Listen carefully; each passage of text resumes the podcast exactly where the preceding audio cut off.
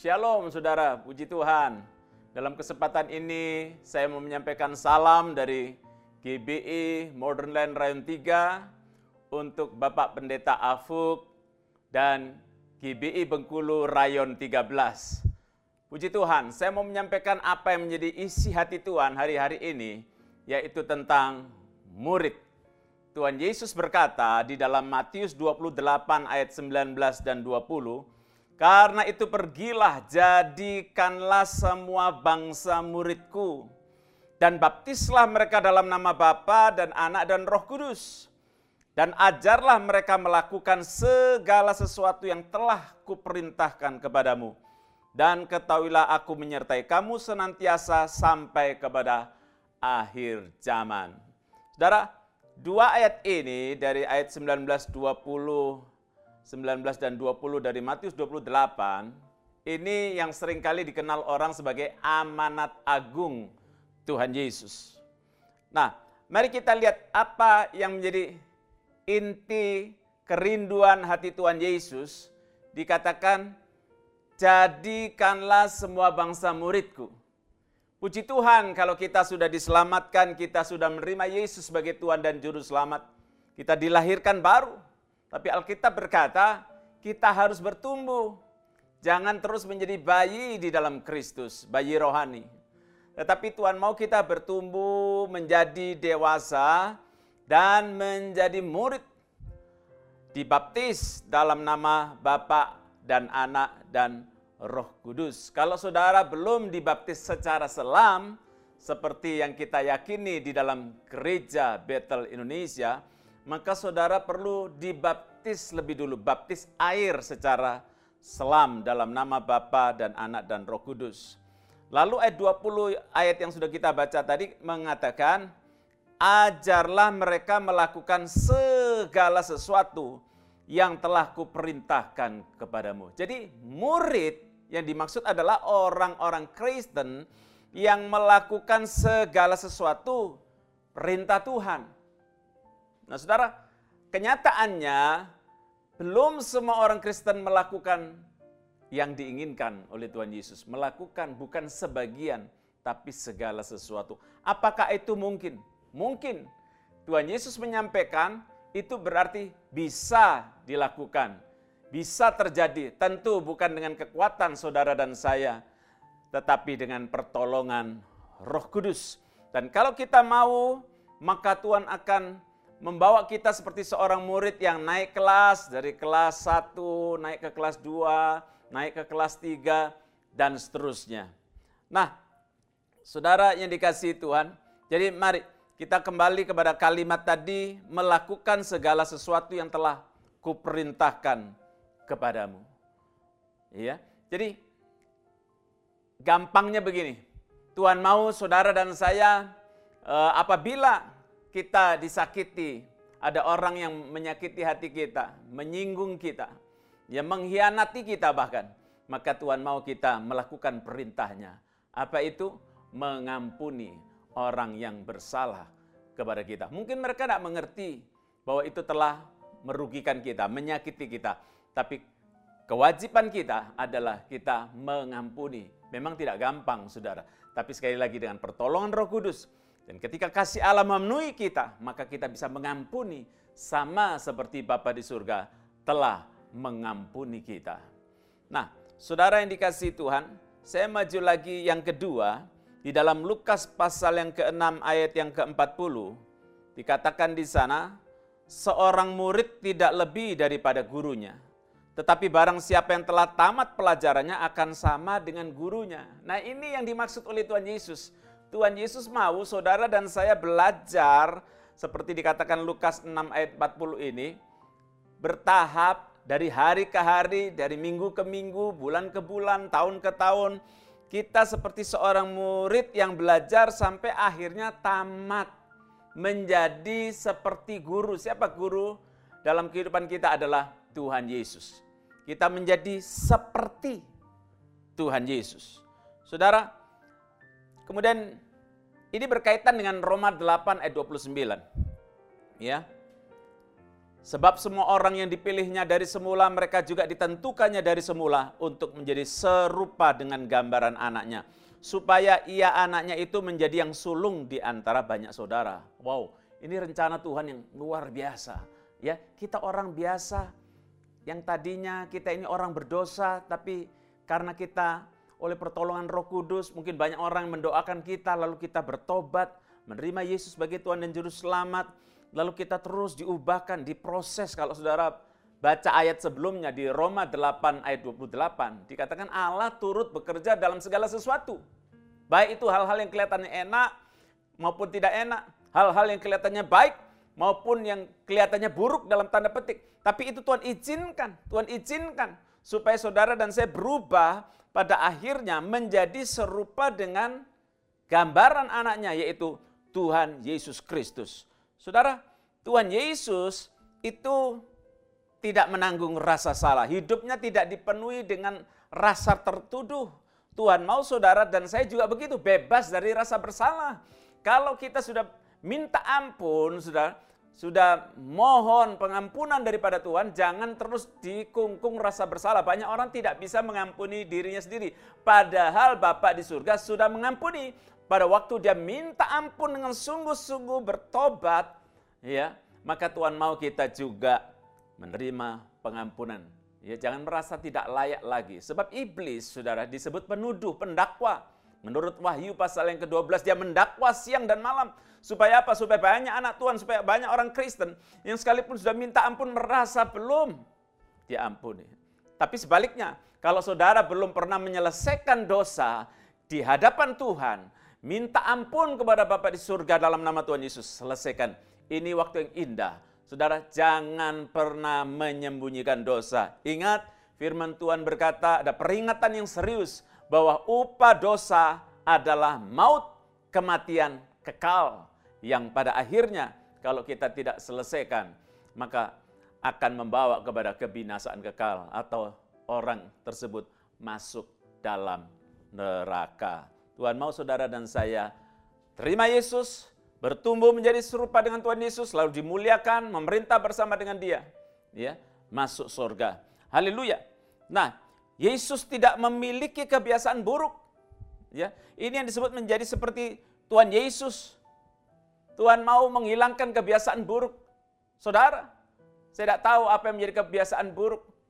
Ya, mungkin malas, mungkin ada kebiasaan buruk yang lain sulit mengampuni, atau suka pada eh, hal-hal uh, yang berbau sensual atau pornografi, saudara, Tuhan Yesus bisa membebaskan engkau dan jangan main-main dengan dosa. Sekali lagi, upah dosa adalah maut, kematian kekal, terpisah dari Tuhan selama-lamanya. Yesus menghadapi ketakutan dengan keberanian. Tuhan mau saudara dan saya hidup kita tidak dipenuhi dengan ketakutan. Bisa saja secara manusia, ya, kita sempat merasa takut. Daud pernah merasa takut. Yosafat pernah merasa takut. Ini raja-raja, Raja Daud, Raja Yosafat, dan sebagainya. Itu manusiawi. Tapi Tuhan mau saudara dan saya menang terhadap ketakutan. Hadapi ketakutan saudara. Saudara mungkin menghadapi penyakit sekarang ini. Mungkin saudara menghadapi masa depan yang kelihatannya suram.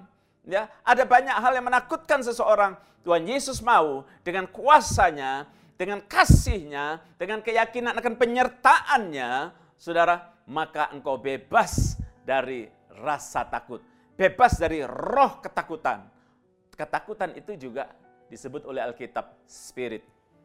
Roh. Allah mengaruniakan kepada kita bukan roh ketakutan. Tapi roh yang membangkitkan kekuatan kasih dan ketertiban. Haleluya. Nah, Yesus Saudara menghadapi kekhawatiran akan maut. Banyak orang takut mati, apalagi hari-hari ini COVID-19. Ya, orang yang tadinya kelihatan segar, sehat, tiba-tiba kena COVID, ya, dia berpikir dia pasti akan sembuh, keluarganya juga berpikir, oh, nggak masalah. Tiba-tiba saudara ada yang menolak untuk dipasang ventilator dan kemudian meninggal dunia. Saudara, jangan lupa bahwa umur manusia itu di tangan Tuhan. Tuhan mau saudara dan saya punya umur yang panjang. Itu salah satu berkat yang Tuhan sediakan. Tapi sekali lagi, Kita tidak tahu umur kita. Ya, saya berdoa supaya saudara dan saya punya umur yang panjang. Seperti Kaleb, sampai pada masa tuanya dia kuat seperti Musa, 120 tahun baru dia dipanggil pulang ke sorga dalam keadaan fisik yang kuat, sehat, diberkati Tuhan, diurapi. Nah, saudara yang dikasih Tuhan, tapi sekali lagi Tuhan mau saudara tidak dikuasai lagi oleh takut akan maut. Kalau saudara ngalami rasa takut berarti kita perlu lebih mengenal Tuhan. Kita perlu hidup intim dengan Tuhan. Kalau kita hidup intim bergaul erat dengan Tuhan, maka kita yakin. Yohanes 11, Tuhan Yesus berkata, Akulah kebangkitan dan hidup. Barang siapa percaya kepadaku, dia dikatakan tidak akan mati selama-lamanya. Dia akan tetap hidup walaupun dia mati. Saudara, kita bersyukur bahwa saudara dan saya sebetulnya sudah ada hidup kekal di dalam diri kita. Sehingga orang Kristen yang meninggal dunia, Tuhan Yesus menyebut tidur.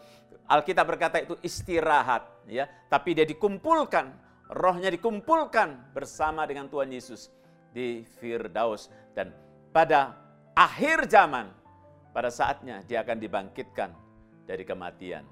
Tapi ada ayat yang lain juga katakan, kalau kita masih hidup waktu Tuhan Yesus datang di awan-awan pada kedatangannya kedua kali, maka kita dalam sekejap mata diubahkan dan memiliki tubuh yang diberikan oleh Tuhan, tubuh kemuliaan. Lalu bersama-sama dengan mereka yang dibangkitkan, saudara-saudara kita seiman, kita naik bersama-sama ketemu dengan Tuhan Yesus di awan-awan yang permai. Saudara, itu satu hal yang indah, ya pengharapan luar biasa. Kehidupan Kristen itu memiliki pengharapan kekal yang tidak bisa dihentikan oleh kubur.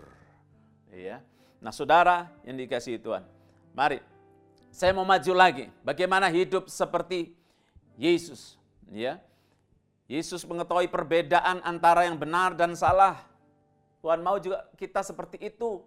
Jangan ditipu oleh iblis. Sekarang banyak anak-anak muda ditipu. Ini musik sorgawi, ini musik duniawi. Lalu iblis mulai mencampur adukkan supaya orang-orang bingung yang mana yang musik untuk Tuhan, ya. Dan yang mana musik duniawi sudah tidak ada perbedaan. Orang berpikir, oh dengan aku mendengar musik duniawi, ya yang jelas-jelas mengandung unsur kekerasan, unsur kenajisan, oh nggak apa-apa, hidupku akan tetap bertumbuh. Padahal itu tipu daya iblis. Saudara, Tuhan Yesus itu adalah sumber musik. Dan Tuhan mau musik itu dikembalikan untuk kemuliaan nama Tuhan. Dan musik yang baik itu akan membangun iman kita. Musik yang baik bukan hanya dipakai untuk memuaskan hawa nafsu kita, tapi musik yang baik itu justru membawa kita worship, menyembah intim dengan Tuhan. Membuat saudara dan saya makin indah. Juga secara fisik sehat. Karena pengaruh musik yang baik akan membuat saudara dan saya sehat. Ya, Nah, setelah kita memiliki sifat-sifat Kristus seperti itu atau kalau saudara baca dalam kitab Galatia itu disebut buah-buah Roh Kudus, kasih, sukacita, damai sejahtera, kebaikan, kemurahan, dan seterusnya sampai penguasaan diri, maka pada akhirnya, saudara, waktu Tuhan Yesus datang yang kedua kali nanti, baru tubuh kita yang diubahkan. Sehingga terjadilah seperti yang Tuhan rencanakan. Roh, jiwa, tubuh kita diubahkan. 1 Tesalonika 5 ayat 23. Kita ini disebut terdiri dari roh, jiwa, tubuh. Jangan terus fokus pada tubuh fisik kita, Jangan hanya fokus pada jiwa, pikiran, perasaan, keinginan kita. Tapi ingat yang paling utama, kerohanian saudara dan saya. Ya, meskipun perhatikan jiwa, oh sangat penting. Kesehatan tubuh juga penting. Tapi jangan lupa nomor satu, carilah dulu kerajaan Allah dan kebenarannya, maka semuanya akan ditambahkan. Semuanya akan ditambahkan kepada saudara dan saya. Artinya ketika kita bangun pagi, nomor satu cari Tuhan Yesus. Doa, Saudara menyembah bersyukur kepada Tuhan. Kita baca Alkitab, renungkan, perkatakan, dan bertekad untuk melakukan firman Tuhan, perintah-perintah Tuhan. Saudara, hidupmu akan dibela oleh Tuhan. Tuhan senang dengan orang-orang yang setia mengikut dia. Dia akan juga setia untuk menyertai dan menolong kita. Dan kalau Tuhan menyertai kita, saya percaya tidak ada persoalan apa pun yang tidak bisa diselesaikan. Engkau akan melangkah dalam mujizat demi mujizat, kemenangan demi kemenangan. Persoalan memang pasti terjadi. Namanya orang hidup pasti ada persoalan. Tapi Tuhan sanggup, Tuhan Yesus sanggup menolong saudara dan saya. Saudara, saya mau akhiri dengan ini. Orang yang menjadi murid Kristus itu ada ya ciri-ciri seperti yang sudah saya sebutkan tadi, tapi dia disebut orang yang mengenal Tuhan Yesus dan tinggal di dalam dia. Dari 1 Yohanes 2, ayat yang ketiga, saya bacakan, sampai ayat yang ke-6. 1 Yohanes 2 ayat 3 sampai 6. Dan inilah tandanya bahwa kita mengenal Allah, yaitu jikalau kita menuruti perintah-perintahnya. Barang siapa berkata, aku mengenal dia tetapi ia tidak menuruti perintahnya, ia adalah seorang pendusta dan di dalamnya tidak ada kebenaran. Tetapi barang siapa menuruti firmannya di dalam orang itu sungguh sudah sempurna kasih Allah. Dengan itulah kita ketahui bahwa kita ada di dalam dia. Barang siapa mengatakan bahwa ia ada di dalam dia yaitu Yesus, ia wajib hidup sama seperti Kristus telah hidup. Oh saudara saya percaya Indonesia memerlukan orang-orang Kristen yang hidupnya sama seperti Kristus telah hidup. Yang mengenal Tuhan Yesus dengan baik bukan dari kata orang. Tapi dari firman Tuhan, dari Alkitab yang kita baca, dari persekutuan pribadi kita dengan Tuhan. Kita makin tahu betapa Tuhan itu dahsyat. Betapa dia maha besar, dia maha kasih. Dan maha segala-galanya. Saudara, ya lalu kalau kita hidup seperti Kristus hidup, saya percaya kita akan dipakai Tuhan untuk menyelesaikan amanat agung. Banyak orang akan bertobat juga di Bengkulu, di Indonesia. Akan banyak orang bertobat karena mereka menyaksikan kuasa, kasih, kehidupan Yesus dalam gereja Tuhan, anak-anak Tuhan di Indonesia. Yang bukan sekedar Kristen namanya, tapi hidupnya seperti Yesus yang bukan cuma pandai untuk mengajar atau berkhotbah, tapi mereka menghidupi apa yang mereka khotbahkan, apa yang mereka ajarkan yaitu kebenaran. Kerajaan Allah dikatakan dalam Roma 14 ayat 17 adalah kebenaran, damai sejahtera dan sukacita oleh Roh Kudus. Dan saya berdoa supaya hidup saudara di dalam kebenaran melakukan kebenaran, bukan kebenaran kita sendiri, tapi kebenaran-kebenaran Allah yang dicatat dalam firman Tuhan atau Alkitab kita. Lalu hidup kita juga dipenuhi damai. Apa pun situasinya juga goncangan ekonomi sebagai dampak dari COVID-19 ini. Saudara tetap kita bisa mengalami damai sejahtera, bahkan sukacita daripada Tuhan. Sukacita karena Tuhan itu perlindungan kekuatan. Kalau imun kuat, iman kuat, lalu kita menjaga jarak yang aman, pakai masker, melakukan protokol kesehatan, mencuci tangan sesering mungkin atau memakai hand sanitizer, menghindari kerumunan. Saya percaya, Saudara, ya, kita hidup dengan pertolongan Tuhan dengan terus memperkatakan Mazmur 91 yang merupakan jaminan perlindungan Tuhan atas kita. Kita hidup seperti Kristus. Pasti Tuhan akan melindungi kita dan Tuhan akan memakai kita setelah ini tahun-tahun ke depan. Saudara, engkau dan saya akan betul-betul menjadi messenger the third of Pentecost, menjadi utusan Pentakosta ketiga untuk menyelesaikan amanat agung. Bersama dengan gembala pembina kita, Pak Niko, Bu Hermin, dan semua orang mengasihi Tuhan. Puji Tuhan, saya ingin tutup ini di dalam doa. Mari angkat tangan saudara, buka hatimu, terimalah berkat daripada Tuhan. Terimalah mujizat, Engkau yang sakit, biarlah engkau mengalami kesembuhan. Alami kesembuhan. Bagi Tuhan Yesus tidak ada yang mustahil. Oleh bilur-bilur Tuhan Yesus engkau sudah disembuhkan. Sembuh dalam nama Tuhan Yesus. Sembuh dalam nama Tuhan Yesus. Oh terima kasih, terima kasih. Sekali lagi, kalau Roh Kudus mengingatkan ada dosa yang perlu kita akui. Bilang ampuni saya Tuhan, ampuni kesombongan, ampuni Tuhan. Kalau ada hal-hal yang tidak berkenan, yang mendukakan roh kudus, perkara-perkara yang najis, Ampuni kalau ada perkataan-perkataan yang mungkin perkataan yang negatif atau out of control, yang di luar dari kontrol kita, kendali kita. Bilang Tuhan ampuni saya. Saudara apa pun yang roh kudus ingatkan, untuk kita selesaikan. Selesaikan. Dia Bapa yang baik. Tuhan Yesus siap mau mengampuni saudara. Kalau saudara dan saya sudah minta ampun, maka tidak ada lagi penghalang untuk mujizat Allah terjadi. Terima mujizat hari ini, terima terobosan, terima pemulihan. Dalam nama Tuhan Yesus, dalam nama Tuhan Yesus. Oralabas shandaralaba, terima kasih Tuhan. Terima kasih. Penuhi anak-anakmu dengan roh kudusmu. Penuhi kami semua dengan kasih semula Tuhan. Dan pakai kami Tuhan di era Pentakosta yang ketiga ini untuk menyelesaikan amanat agung. Terima kasih Bapak. Ini doa kami. Biar Indonesia penuh kemuliaan Tuhan. Juga melalui kehidupan kami yang hidup sama seperti Kristus telah hidup. Haleluya. Kami alaskan doa kami dalam nama di atas segala nama Tuhan Yesus Kristus. Amin.